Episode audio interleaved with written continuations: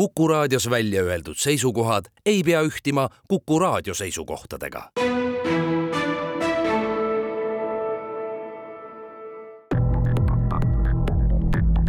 krimiraadio, Krimiraadio tere taas, on reede ja eetris on värske Krimiraadio. stuudios on ajakirjanikud Raul Ranne ja Karel Reisenbuk tänases saates on laias plaanis kaks teemat. saate teises pooles räägime sellest, kuidas kümnekonna päeva eest lõhkus Haapsalu Vaikelu tõeline pommidraama. uurime, mis toimus ja kuidas kriitiline olukord lahendati. aga kõigepealt võtame jutuks augustist alates meeli pingul hoidvast juhtumist, kui Harku metsas toimus ränk seksuaalne rünnak seal alutanud naisterahva suhtes kuidas uurimine on edenenud ja kas on alust spekulatsioonidel, mille kohaselt kahtlusalune võib olla sama inimene, kes paarikümne aasta eest Tallinna terviseradadel naisi ründas. teemat aitab lahata Reimo Raivet Põhja prefektuuri kriminaalbüroost. tere tulemast Krimi raadiosse. tere päevast. niisiis, kõigepealt alustamegi sellest tänavusest augusti alguses toimunud eh, juhtumist. kirjeldame selle lahti, mis seal täpselt eh, toimus. Eh, tõesti, selle aasta augustis siis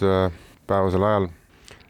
rünnati Harku metsas äh, naisterahvast äh, ja pandi siis tema suhtes jõudu, jõudu kasutades toime seksuaalse iseloomuga rünnak, et ma ei, ma ei tahaks laskuda detailidesse, sest see ei ole ilmselt raadio ei ole see koht, kus, kus seda peaks üksikasjalikult sellisel moel lahkama, aga tegemist oli siis just nimelt seksuaalrünnakuga ja, ja seal oli ka jõukasutus. see oli päisepäeva ajal või õhtupoole, kui nii palju võib öelda? see oli täiesti päisepäeva ajal, see oli pigem isegi ennem, ennem kella kahtteist võib öelda see rünnak, nii et äh, räägime hilisest hommikutundidest või ennelõunast. millises seisus uurimine on tänase seisuga? uurimine on hetkel täiesti aktiivses seisus, kontrollime erinevaid äh, versioone äh,. samuti on meil kontrollimisel ka terve hulk võib-olla isikuid, kelle suhtes me, me siis tunneme huvi, kelle vastu hetkel konkreetset isikut, kes selle teo oleks toime pannud, me kahjuks veel tabanud ei ole. Äh, oleme, oleme korduvalt ju ka ajakirjanduse vahetusel palunud inimeste abi ja, ja võib öelda, et inimesed on olnud aktiivsed osutamaks äh, ja jagamaks meiega infot, osutamaks meile abi, et äh, ma usun ja arvan, et sellises koostöös me selle, selle inimesega leiame siis ja, ja tuvastame tema, tema kõik kuriteod, kaasa arvatud siis nagu oli eelnevalt mainitud, et kui palju ta võib olla seotud või ei või olla seotud aastatel kaks tuhat neli kuni kaks tuhat kaksteist toimunud seitsmeteistkümne seksuaalkuriteoga ja rünnakuga sealsamas piirkonnas ja lähipiirkonnas, et et jah, teatud viited sellele, et see võiks olla üks ja sama isik on, kas või siis see piirkond ja, ja, ja selline enamus kordadel kirjeldatud väga eritunnus, et isik kandis rätti peas ka sellel korral äh, isikul rätik peas oli. Äh, nii et äh, kindlasti seisab meil ees tulevikus ka kontrollimine ja täpsem arusaamine, kas need siis on omavahel kõik seotud või ei ole või kui palju on ja, ja mis seal täpsemalt toimus. mis on hetkel teinud ähm kui me räägime nüüd sellest ikkagi viimasest sündmusest olgu ta siis sama inimene või mitte tema tabamise keeruliseks? no me räägime suhteliselt eraldatud kohast, kus on väga vähe tehnilisi vahendeid, mis, mis aitaks meil tuvastada kurjategija äh, isikut äh,. ja, ja meil on, meil on tegelikult ju ainult kannatanu, kes, kes siis oskab kogu seda mm, toimunut kirjeldada, et ei ole ka tunnistajaid, nii et, et selles mõttes materjali, mida läbi töötada, on palju äh, ja samas äh, saada väga-väga häid äh, ja suuri infokilde, mis võimaldaksid pusle kiiresti kokku panna, on, on väga raske leida, et või pigem neid ei ole, et et siit ja sealt tuleb väike killuke, neid killukesi tuleb nüüd lihtsalt kannatlikult äh, õigesti kokku panna ja see tervikpilt lõpuks siis valmis teha. Meil on üsna palju raadiokuulajaid ja võib-olla tasuks siin üle korrata, et millist inimest me otsime, milliste tundemärkidega inimest, missugust infot te võib-olla ootate,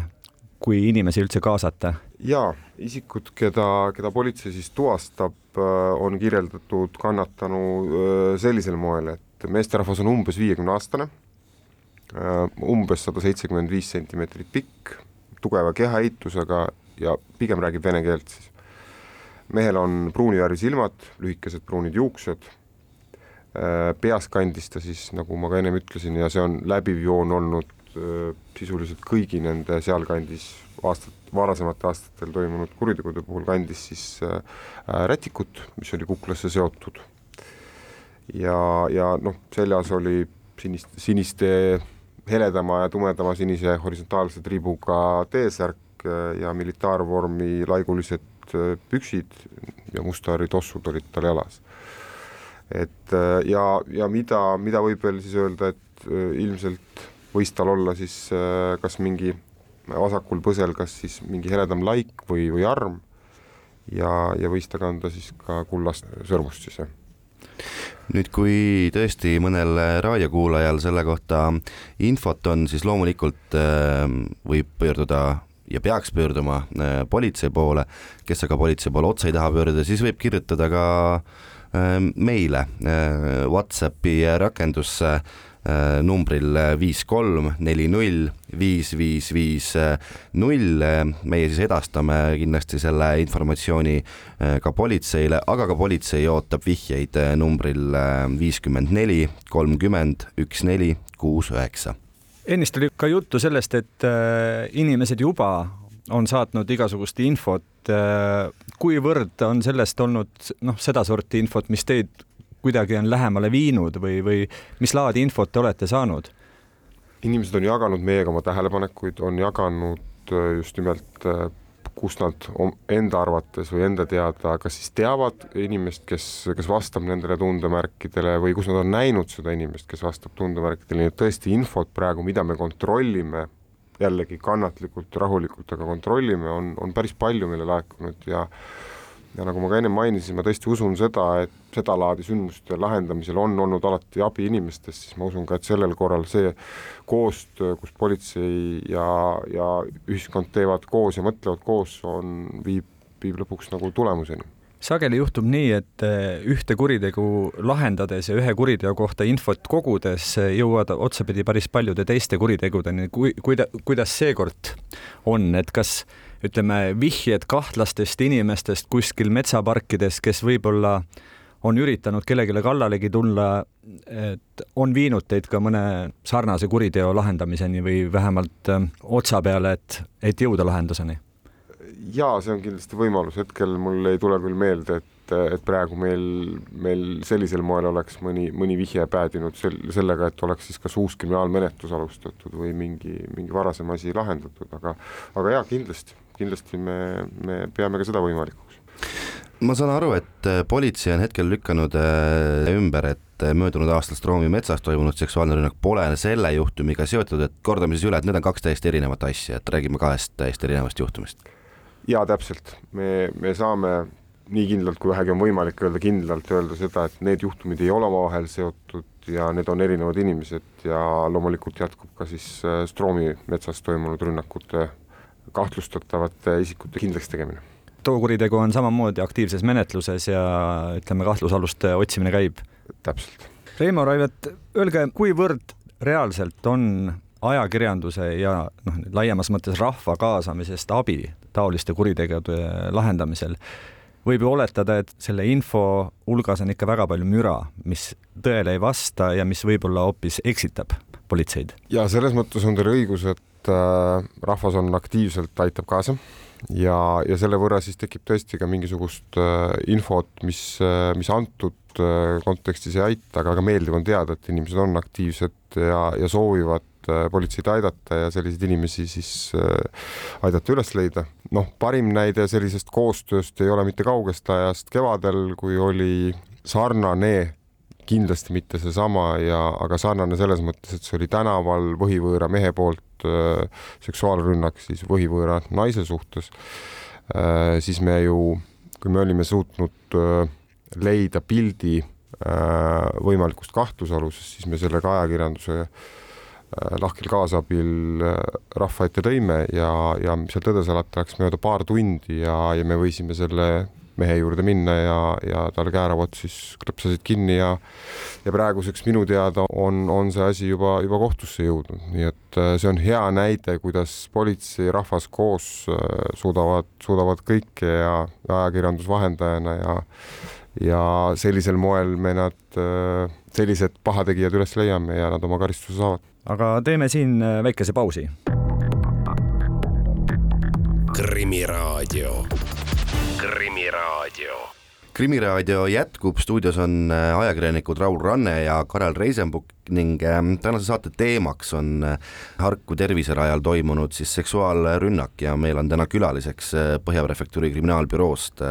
Reimo Raivet. Nagu me oleme täna rääkinud siin juba, siis on miskit alust arvata, vähemasti kahtlustada, et see niinimetatud Harku ründaja siis võib olla sama isik, kes nagu ka mainitud, kahe tuhandendate alguses äh, ründas siis seksuaalselt Tallinna äärelinnades kulgevates äh, metsa- ja terviseradadel liikunud äh,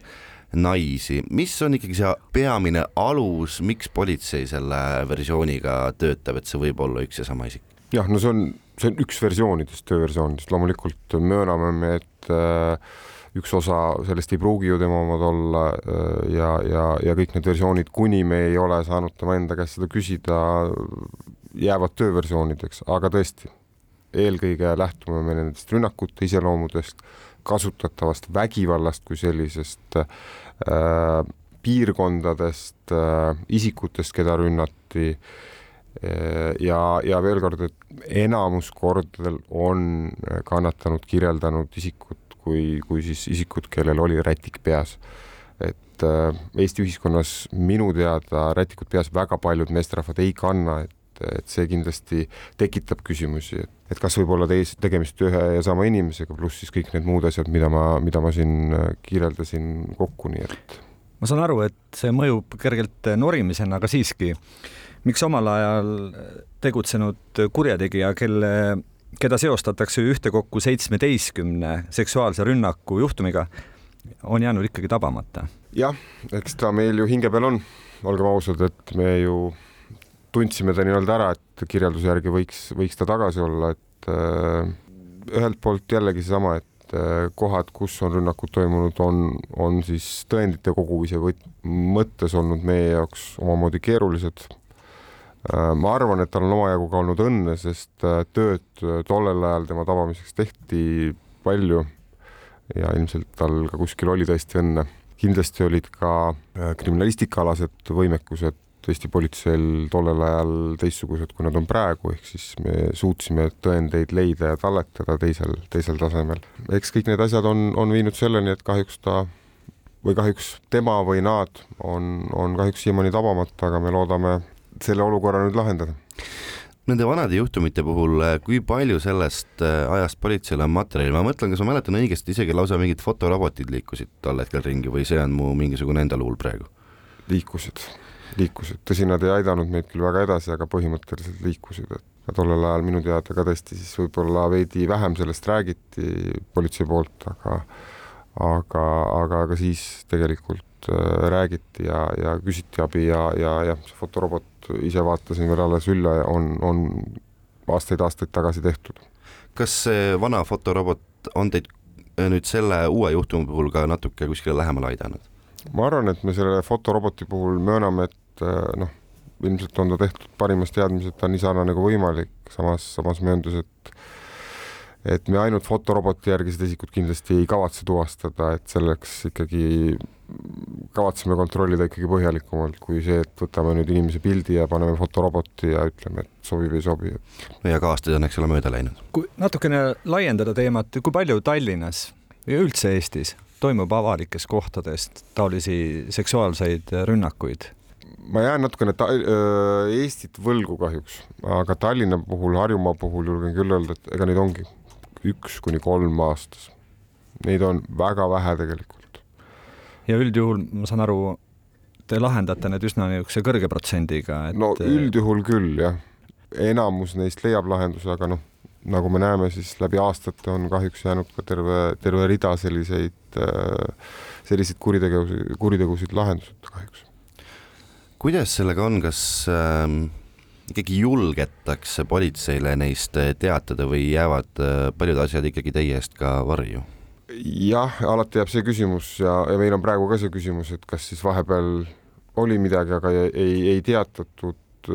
noh, mingil moel võib möönda seda, et et kui need rünnakud on jäänud äh, sinna algstaadiumisse mingil põhjusel, näiteks kurjategijad on segatud, siis jääb see küsimus, et kas on võimalik, et neid ründeid on tegelikult rohkem, jah, ma usun, et neid võib olla rohkem. uskuda nüüd seda, et äh,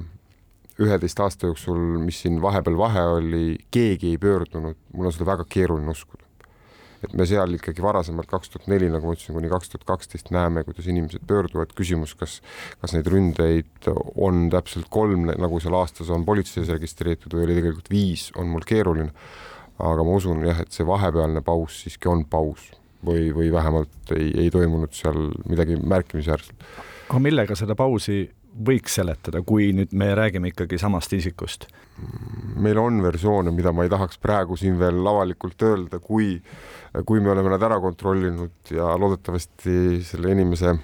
ka endaga vestelda saanud, siis, siis kindlasti võime sellest rääkida, millised olid tööversioonid ja milline neist siis õigeks osutus. aga tööversioone selles mõttes, mis võis juhtuda, on, on mitmeid ja mitmeid ja mitmeid ja nad on suhteliselt äh, nende kontrollimine on suhteliselt ajamahukas kui te taolised juhtumid lahendate, kui sageli te peate tunnistama või saab selgeks, et, et üldjuhul sellistel kurjategijatel on hingel päris mitu seksuaalset kallaletungi, et, et, et see sageli ei ole üksikjuhtum? jaa, tuleb ette selliseid inimesi, kes on toime pannud äh, mingi aja jooksul rohkem kallaletunge. ma nüüd sellise tunnetuse pealt ütlen, et pigem, pigem siiski on tegemist selliste üksikute juhtumitega, kus siis kurjategija kasutab ära mingisugust momenti, tal võib-olla ei olegi varasemalt seda soo-, mõtet olnud, et ta läheb kedagi vägistama ja mingil põhjusel ta nüüd otsustab siis mingisugust olukorda ära kasutada ja, ja, ja, ja, ja paneb toime vägistamise. mis politsei hetkel ütleb, ma saan aru, et ju mingit paanikat ei taheta külvata, külvata, aga kas on ohutu hetkel äh, naisterahval kuskil üksinda sellistel metsaradadel Tallinna ümbruses jalutada? alati saab öelda seda, et sada protsenti ohutu ei ole kuskil, samas saab öelda, et äh, kui me mõtleme, kui palju on terviseradasid, kui palju neil igapäevaselt käiakse, mehed, naised, lapsed, siis saab öelda, et äh, noh, me ei saa öelda, et seal oleks oht igapäevane ja, ja, ja pidev. Ettevaatlik tasub alati olla. Mitte ainult terviseradadel, vaid ma usun, et tegelikult ohtlikum on võib-olla kuskil rahva rohkemas kohas, see oht on palju suurem, on ju, et aga, aga omamoodi ettevaatlik olla ja võib-olla siis tõesti äh, vaadata, jälgida oma ümbrust ja, ja kui tekib mingisugune tunne, et, et keegi, keegi lähedal olevatest inimestest on ühte või teistpidi kahtlane, siis siis otsida või liikuda siis teiste inimeste poole äh, ja sel, selle võrra siis seda ohtu vähendada või, või, või see oht ära kaotada, et et sellised asjad on alati minu arvates igati, igati õigustatud, et, et olen võib-olla isegi õhtuti kuskil jalutades näinud, et naisterahvas vaatab selja taha, kui see talle selja taha ilmub ja mm. ja mind on vahel mööda lastud, kus ma olen näinud ja mulle tundub, et see on, see on ok, et äh, inimene hindab, äh, hindab võimalikke ohtusid ja loomulikult kallaletung selja tagant on üks kõige ohtlikumaid meie jaoks, sest sealt me ei oska seda siis kuidagi reageerida, nii et äh, olen isegi kohtunud inimestega, kes on ettevaatlikud ja ma arvan, et ma arvan, et see on omamoodi õigustatud, see ei tähenda seda, et meil on tohutult ohtlik tänaval olla, aga aga omamoodi ettevaatlik tasub igalühel olla. Mind paneb muidugi imestama, et too augustirünnak toimus äh, siis Harku metsas, mis on ju teadupoolest väga populaarne tervisespordi niisugune koht ja seal liigub äh, läbi päeva väga palju inimesi ja ometigi leidus siis see mingisugune moment, kus seda, neid inimesi oli vähem ja, ja ja see rünnak toimus, aga siiski, kas, kas on ka politsei nüüd noh, ma ei tea, kas mingisuguste tehniliste seadmetega selle piirkonna võib-olla rohkem tähelepanu alla võtnud, et ütleme, inimesed, kes äh, nüüd seal edaspidi sporti teevad, eeskätt siis üksikud äh, naisterahvad näiteks, et nad teavad vähemalt seda, et jälgitakse, et äh, politsei kontrollib seda piirkonda erilise hoolega. kes on tuttav selle piirkonnaga ja, ja ka siis teisele poole jääva Männiku ütleme metsaga ja, ja kõik, kõik seal piirnevate aladega, siis tegemist on päris suure metsaalaga. meil on, meil on õnneks Tallinnas, Harjumaal päris palju metsa, mul on selle üle väga hea meel. nii et kõike seda me kahjuks kontrollida, ma ei saa lubada, et kõik see on, seda on võimalik kontrollida. seda kahjuks teha võimalik ei ole. me oleme seal võimaluse piires siis rohkem kuskil lähedal kohal, aga, aga veel kord, me räägime niivõrd suurtest äh, metsaaladest, äh, kuhu panna nüüd pat-, patrullima politseinikud vahetult, on, on, on keeruline. Juhul, kui rünne on toimunud, tähendab vaatamata kõikidele ettevaatamise abinõudele, on ikkagi juhtunud nii, et kurjategija on kellegi, keda ta on see sihikule võtnud, tungib kallale, siis mida ohvril teha selles olukorras? selles mõttes, et äh, kui see rünnak juba toimub, äh, siis meil enne, ilmselt enam ei õnnestu põgeneda. kui see võimalus rünnaku käigus tekib, vahel kurjategija laseb lahti või, või tekib kurjategijal mingisugune koht, kus ta tardub, äh, siis loomulikult on ärajooksmine alati vähemalt kaalumise koht. aga ühte asja, mida oskan soovitada kindlasti on, ei tasu häbeneda ja, ja kõva, kõva häälega, kui vähegi hääl kannab, appi hüüda on, on kindlasti sellel hetkel mõistlik ja, ja kui keegi kuuleb, siis, siis appi minna on ka alati mõistlik, et et need võib-olla oleksid sellised asjad, mida, mida oskaks soovitada, et kui see rünnak juba tõesti toimib, sest noh, öelda nüüd seda, et minge kõik enesekaitsetrenni, jah, see on, on ka soovitus, aga sellel hetkel, kui rünnak toimub, ilmselt enam ei jõua, et sellel hetkel jõuab tõesti appi, appi hüüda ja. no samamoodi vist on ka üsna mõttetu nõuda inimestelt, ohvritelt, et nad jätaksid selle ründe käigus meelde kõik äh, kurjategija tunnusmärgid ja, ja iseäralikud jooned ja, ja nii edasi, et noh, seda ei saa ka inimestelt nõuda selles olukorras. absoluutselt ja, ja nagu me, meil näha on siis ikkagi inimesed ja täiesti arusaadavatel põhjustel sellise ründe korral võivad märkimisväärselt šokeeritud olla ja nende, nende mälupildid võivadki olla vahel isegi katkendlikud ja nad ei mäletagi väga palju seda kurjategijat kirjeldada või teatud juhtudel mäletavad mingeid detaile näiteks valesti, et see, see kõik on meie jaoks arusaadav, et et ei, me ei eelda äh, kannatanult siis, et ta suudaks detailselt meile kirjeldada kurjategijat, selle kurjategija ülesotsimine on ikkagi meie ülesanne kordaks võib-olla ikkagi nüüd eh, siia selle mm, pooltunni lõppu üle veel, et eh, millist meest eh, hetkel otsitakse, mille kohta politsei infot eh, tahab, see mees on siis eh, tugeva kehaehitusega, umbes viiekümne aastane, ligikaudu sada seitsekümmend viis sentimeetrit pikk ja räägib vene keeles. mehel on pruunid silmad ja lühikesed pruunid juuksed ja rünnaku hetkel kandis ta peas helehalli rätikut, mis oli kukla pealt sõlme seotud seljas oli tal horisontaalsete siniste triipudega T-särk ja jalas militaarvormi moodi laigulised püksid ning mustad tossud. ja mehe vasakul põsel siis võib olla selline horisontaalne laik või arm ja samuti võib ta kanda kullast sõrmust ja politsei ootab vihjeid numbrile viiskümmend neli, kolmkümmend, neliteist, kuuskümmend üheksa. ja kes ei taha politseiga suhelda, siis võib kirjutada ka Kuku Krimiraadio Whatsappi numbrile, milleks on siis viiskümmend kolm, nelikümmend viis, viis, viis, null ja jõuab ka meilt see informatsioon politseini. Reimo Raivet, me täname teid, et tulite Krimiraadiosse. meie teeme saates väikese pausi. krimiraadio, Krimiraadio krimiraadio jätkub ja jätkuvalt on stuudios ajakirjanikud Raul Ranne ja Karel Reisenbuk. tänase saate teiseks teemaks on pommikriis Haapsalus. nimelt sai Häirekeskus üksteist päeva tagasi, teisel oktoobril ennelõunal äreva kõne, milles anti teada, et ühes Haapsalu kortermajas varjub joobes ja agressiivseks muutunud mees, kellel on arvatavalt nii tulirelv kui lõhkekeha. mis seal ikkagi juhtus? kuidas kriis lahendati. teemat aitab lahata Lääne prefektuuri operatiivjuhina seda sündmust juhtinud ja lahendanud Üllar Kütt. tere tulemast Krimi raadiosse. tere. enne kui me põhiteema juurde läheme, märgin, et äh, eile tabas mitmeid et mitte öelda sadu Eesti asutusi, seal, sealhulgas ka koole ja lasteaedu äh, pommiähvarduste äh, sari. mis see teie töö mõttes tähendas, see eilne päev? see tähendas seda, et hommik algas kohe sellest, et meile tuli väga palju kõnesi, kõnesi koolijuhtidelt otse, vallavanematelt, kelle poole siis koolijuhid olid pöördunud ja oligi küsimus, et mis me teeme. et me oleme saanud nüüd sellise kirja ja noh, selle sisu oli ju, et me laseme õhku teid kõiki siin, eks. Ja et kas me peame nüüd koolid evakueerima, täna tunde ei tee või kuidas käituma peab, ehk siis äh, hommik algas sellega kohe, et väga palju oli selgitamist ja ka meil endal arusaamist, et noh, esimeste kõnede peale ei olnud aru saada, kui mastaapne see on, aga mingi aja pärast ju me saame aru, et see on ikkagi rämpspost, et on võetud lihtsalt terve rida neid meililiste ja saadetud sinna kõigile siis ühesugune kiri, et et teie koolis mingil kellaajal siis mingi pauk käib ja, ja neid ikka, ma seda täpset arvu isegi ei tea täna, kui paljudele see jõudis, aga tundub, et ikka peaaegu kõik maakonnad said need kirjad.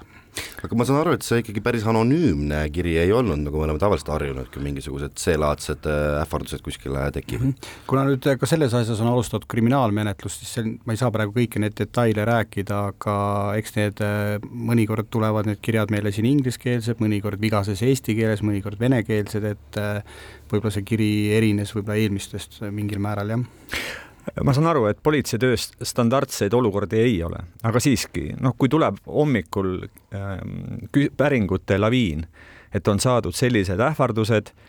mida politsei sellisel juhul ikkagi teeb, et noh, mis see niisugused standardsed liigutused ikkagi on et...? kontrollime ära, kas see, kas see oht võiks olla reaalne, kui on loomulikult kui oht on reaalne, siis äh, igal juhul äh, keegi kooli ju ei lähe, sellisel juhul kõik koolid tuleb üle kontrollida pigem täna hommikul saime suhteliselt kiiresti nagu selguse, et see oht ei ole tegelikult äh, reaalne. eile hommiku põhiline oli hoopis ju see, et äh, välja noh, öelda koolidele siis need sõnumid, kuidas koolid peaksid käituma, et sellist äh, juhist, noh koolidele on see kõigile üllatus, et selline kiri hommiku tööle tulles tuleb. ma arvan, et natukene jäädi hiljaks täna selle juhisega. aga tuleme nüüd selle juurest oma põhiteema juurde tagasi lõhkeseaded ja lõhkeseadeldised. Need kriisid olid üsna sagedased äh, üheksakümnendatel, aga viimasel ajal ikkagi pigem seesugused juhtumid äh, haruharvad, noh isegi Tallinnas, noh veel enam siis äh, Haapsalus kuidas teile mõjus teade sellest, mis teisel oktoobril on toimumas sügiseselt vaikses kuurortlinnas, kuivõrd selline teade teid ehmatas, et miski hull on ennast ähvardamas õhku lasta kuskil? Eks me oleme ju analoogseid väljakutseid, võib-olla me saame palju, aga tavaliselt on nad hästi kiiresti lahendatavad ja selgub, et tegelikult mingit äh, lõhkeseadeldist või relvi ei ole, et lihtsalt äh, kuskilt tuleb info, et sellel inimesel võib olla, et ta purjus peaga on seda rääkinud, aga see Haapsalu sündmus nüüd äh, eristus selle poolest, et algselt oli seal korteris ju kaks inimest. Ja, ja kui see teine inimene sai sealt umbes kümne minutiga sealt korterist välja ja, ja siis, kui ta politseile selgitas, et mida tema oma arvates seal nägi, siis viitas justkui meie, meil tundus, et granaadile ja relvale. Ja kui talle näidati siis erinevate granaatide fotosi, siis ta ka näitas, milline see on. Ja noh, sellest hetkest oli meie jaoks igatahes vägagi reaalne. Ja, ja siis käivitus juba see suuremat sorti politseioperatsioon. kui Häirekeskus saab äh, kõne, kus on äh, märksõnad? Pomm, agressiivne ja juuatäis mees ja veel relvataoline ese, siis see reaktsioon on milline tavaliselt? see on selline, et meil on väljakutsed kategooriatesse pandud, see on kõige kiirem äh, väljakutse, mis tähendab seda, et äh, need patrullid, kes selle väljakutse saavad, peavad kõik oma eelnevad tegevused katkestama ja kohe sinna minema. nii et see on kõige kõrgema prioriteediga väljakutse kui te olite sellele naisele, kes teile helistas, kes oli varem selles korteris viibinud, äh, näidanud pilte, ma saan aru siis äh, võimalikest lõhkekehadest, mida ta pidi ära tundma, nii? no me tahtsime teada, et äh, mida ta sellest granaadiks nimetab, et kas ta üldse teab, mis asi on granaat või millest me räägime ja kui näidati granaadi pilte, siis ta osutas seal jah, ühele granaadile, et väga selle moodi mm. ja, ja noh, foto pealt meil oli see väga ohtlik edasi oli siis juba nii, et terve üks suur Haapsalu piirkond piirati ümber, inimesed evakueeriti sealt eemale ja siis hakkas operatsioon. jah, kui me saame teada juba enam-vähem, millise lõhkekehaga võib olla tegemist, siis demineerijad ütlevad meile, et kui suur on see ohuala, et millisest ohualast me peame kõik inimesed siis eemale saatma ja eemale hoidma, et sinna keegi tulla ei saa ja, ja siis sellest hetkest jah, hakatakse kohe ala piirama, inimesi sealt alast välja saatma ja ka vaatama, et keegi vahepeal juurde ei tule, on ju, et äh, lapsed, ma ei tea, koolist tulevad koolist koju või mõned inimesed tulevad lõunale koju või kui te sinna sündmust lahendama jõudsite ähm,, kui suur oli teie teadmine või eelinfo selle kohta, et kes see inimene, see ähvardaja ikkagi on? Suhteliselt kiiresti jah, me ju saime selle nime ja me saime vaadata tema tausta nii palju, kui meie seda näeme, palju on politseil neid kokkupuuteid olnud, siis noh, midagi sellist sealt nagu ei oleks oodanud, et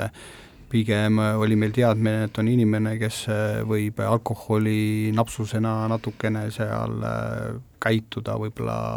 ebaadekvaatselt. kummaliselt võib-olla jah. Mm, -hmm aga seda, et tal võiks olla relvad või granaadid, et äh, ta ei olnud selline inimene, et nüüd Haapsalu politseile ta kohe teada-tuntud nägu oli, mitte nii, nad teadsid, et selline inimene on, kunagi mingeid kokkupuuteid on olnud, aga pigem ta ei olnud selline igapäevane politsei huviorbiidis olev inimene. aga see konkreetne ähvardus, milles see seisnes, oli see, et ma lasen ennast õhku või et lasen kogu maja õhku või, või mis äh, sõnum seal oli? jah, algselt ta ju noh, justkui takistas ka sellel teisel inimesel sealt äh, korterist välja tulemas, seal oli mingisugune tüli tekkinud nende omavaheline aga kui see inimene välja sai, siis ta lukustas ennast korterisse ja kui meie juba sinna jõudsime, siis äh, läbi ukse saadi selle inimesega kontakti, aga ta keeldus ust avamast, ta ütles, et äh, ta võib ennast õhku lasta, ta võib meid õhku lasta, et põhimõtteliselt ta ikkagi oma sõnadega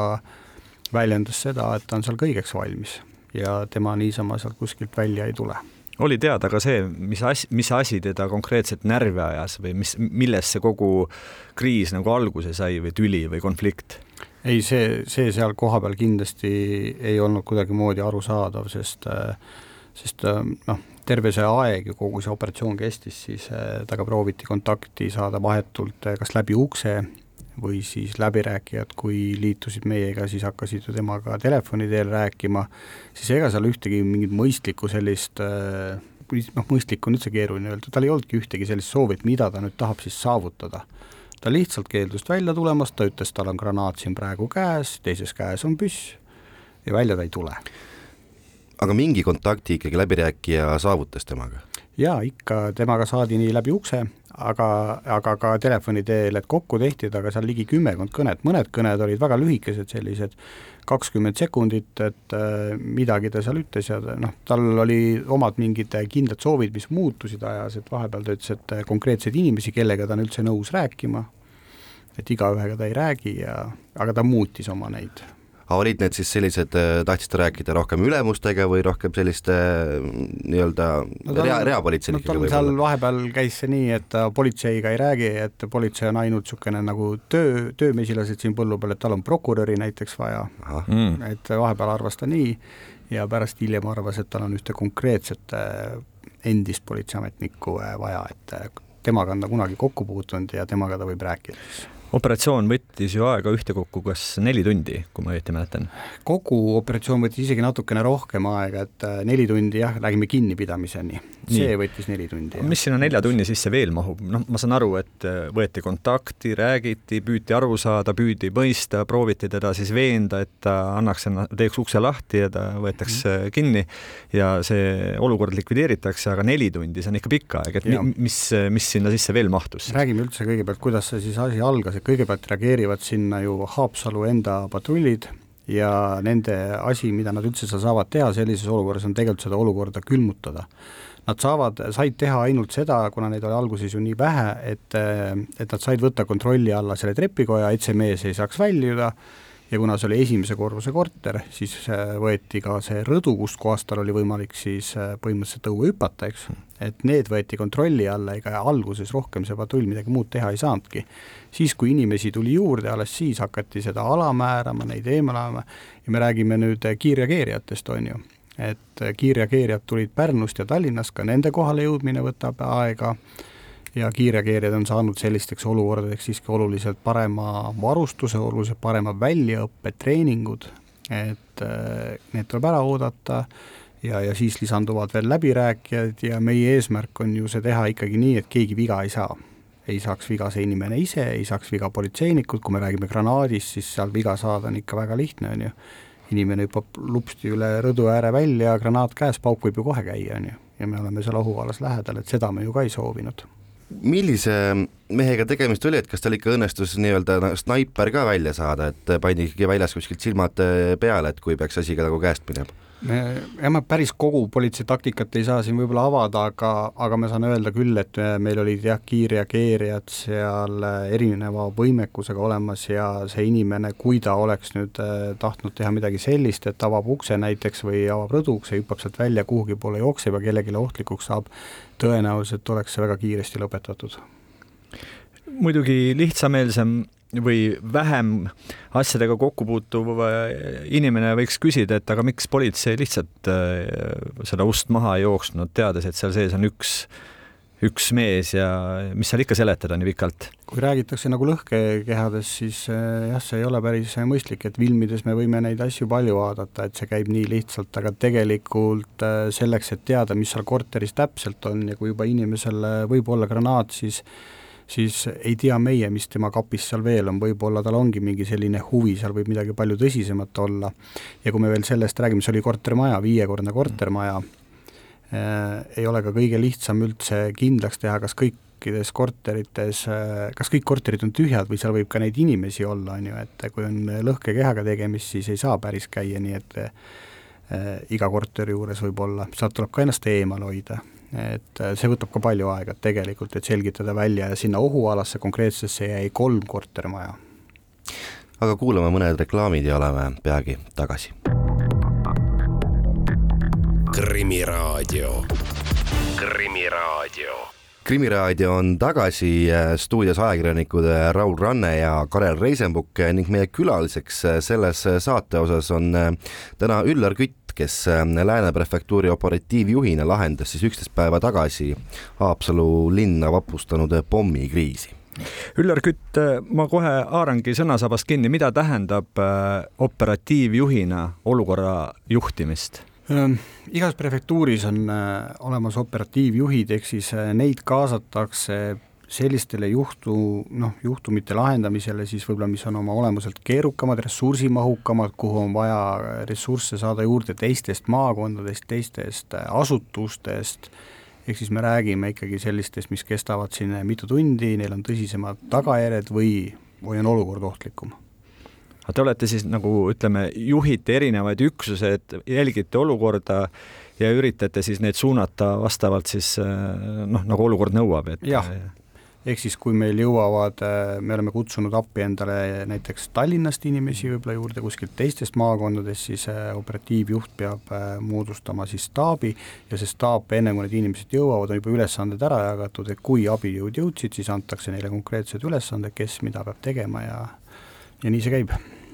aga tuleme selle meie nii-öelda antikangelase juurde hetkeks tagasi. mis tänaseks selgunud on, mis ta selles äh, purjus peakeses ikkagi siis toimus, mis juttu mees hiljem rääkis? Ähm, tänaseks ma tean lihtsalt ainult seda, et see mees on ju vahistatud, vahi alla võetud, ähm, menetlustoimingud on juba kriminaalmenetlus ja, ja ülekuulamist äh, ma ei saakski seda rääkida, mida ta on täna rääkinud, samas ma isegi ei tea, mida ta on rääkinud, et äh, kuna ma ei ole ise selle asja menetleja enam, vaat ainult äh, olin seotud selle operatiivse lahendamisega, siis siis eks ta oma seal menetluse käigus need ütlused annab, et mis ta peas toimus ja mis ta seal saavutada tahtis kui kohus otsustas ta vahi alla jätta, siis äh, osutas kohus, et äh, kahtlustatava varasem käitumine, tema hoiakud ja suhtumine andsid selleks aluse, et hoida ta vahi all, et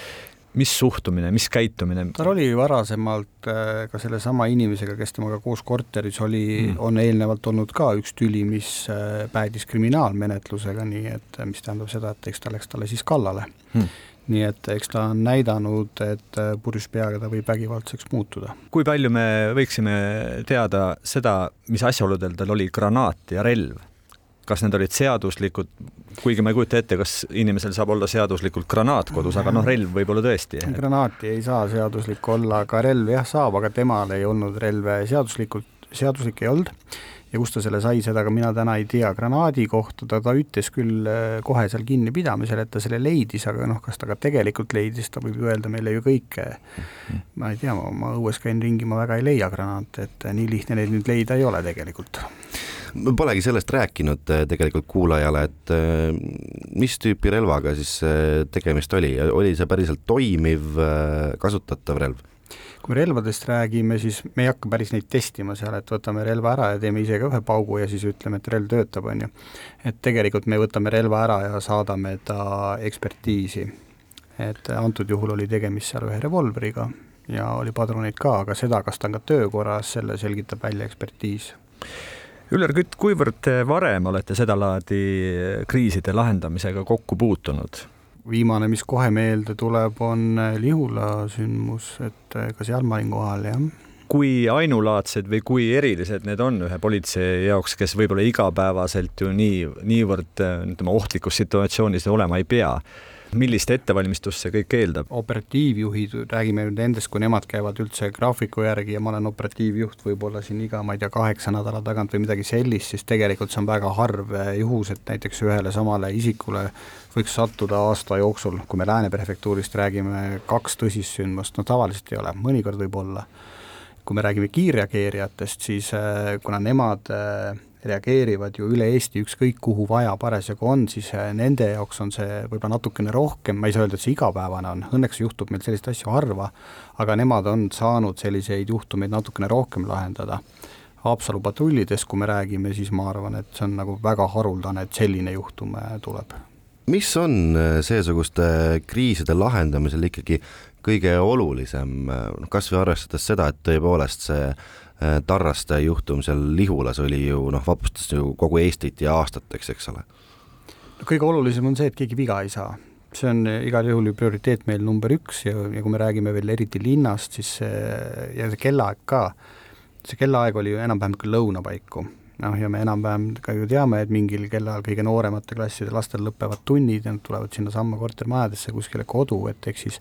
meie asi ongi hoida siis ära see olukord, et midagi sellist ei juhtuks seal. see on selles asjas kõige olulisem, kuna mingit tulistamist ju ei toimunud, ühtegi pauku ei olnud käinud, siis seda ei pea lahendama nii, et me ründame läbi ukse kohe tankiga sisse ja, ja ükskõik kuidas, aga lahendame kohe ära. selle, seal saab taktikaid valida ka teistmoodi, et ikkagi inimesega läbi rääkida, tema, ta võib-olla ise väsib ära sellest, võib-olla ta loobub oma esialgsest äh, soovist, mida ta teha tahtis, ja, ja see annab ka rahulikumalt läbi mõeldes meie enda taktikat tegelikult, et seal nagu sellist ajasurvet õnneks ei olnud. äkkrünnaku puhul, kus tulistamine käib, seal on nagu hoopis teine lugu, seal ei ole aega politseil minna kuskile nurga taga väga nõu pidama ja mingi plaani paika panema, et esimesed reageerijad igal juhul peavad minema kohe et see on siis viimane piir, et eh, nii kui inimene eh, näitab üles agressiivsust, hakkab eh, ründama, siis politsei enam ei oota, läbi ei räägi, vaid siis on maha ja kõik oleneb jällegi sellest olukorrast, et kus kohas ta nagu on, et me räägime korterist, räägime siis eks seda, seal antud juhul ka see korter kindlustati sellisena ära, et ta, tal ei olnud sellist võimalust, et teen ukse lahti ja kohe hüppan välja, ehk siis seal annab ka natukene seda teistmoodi lahendada. Need on nii erinevad, nii olukorrad aga me peame olema selleks valmis, et kui ta granaat käest tuleb äh, uksest välja või teeb kas või väikese vahe sinna ukse vahele, kus granaat läbi mahub, no siis käib ju pauk, on ju nagu te ka mainisite, Haapsalu kriisi lahendamisel üks osa Haapsalu linnast piirati kinni ja inimesed toimetati ohutusse kaugusesse ja senikaua, kuni operatsioon käis, nad pidid olema eemal. ja suure tõenäosusega nagu ikka, inimesed on kannatamatud ja mingil hetkel tõenäoliselt hakkas kuulda, kostuma ka nurinad, et miks me ometi koju ei saa, näed, mees võeti ju kinni. On see teile tuttav olukord ja mis neile sellel puhul vastuseks öelda siis, et? see on tuttav olukord, aga õnneks äh, olid äh, Haapsalu inimesed ikkagi väga arusaajad inimesed, jah, muidugi ta mingit pahameelt tekitab, et kui see olukord algas peale seal kuskil kella üheteistkümne paiku, eks, ja reaalselt äh, kõik inimesed said koju poole seitsme paiku õhtul siis see lihtsalt võttis nii kaua aega sellepärast, et kui meil on juba inimene, kellel olid mingi lõhkekeha, mingid relvad, ja, ja selleks, et veenduda, et seal rohkem midagi ei ole, peavad demineerijad ennem oma töö ära tegema ja nemad ütlevad, et nüüd on see ohutu ja nüüd me võime siia majja inimesi lubada ja ka demineerijad teevad seda algul robotiga, et äh, mitte ise viga saada ja kui on robot äh, üle kõik vaadanud, siis lähevad nad ise vaatama, see paraku lihtsalt võtab natuke rohkem aega. ja see kõik lõpuks ikkagi on inimeste ohutuse nimel ja absoluutselt jah, et äh, noh, seda ei annaks meile keegi vist andeks, et me lubame kiirustatuna inimesed näiteks majja ja siis käib pauk ja siis me ütlesime, et aga inimesed tahtsid koju, on ju, et ma ei tea, reporter hakkab telekast, tahtsid näha, et noh, see ei ole ju mingi põhjus Üllar Kütt, suur tänu teile saatesse tulemast. Ja sellega on tänane Krimiraadio läbi. jõudsime rääkida täna nii Harku metsas seksuaalründe sooritanud jätkuvalt tagaotsitavast tegelasest kui ka Haapsalu pommikriisi lahendamisest. Saadet vedasid täna ajakirjanikud Raul Ranne ja Karel Reisenbuk ning järgmine Krimiraadio on eetris juba järgmisel reedel. krimiraadio, Krimiraadio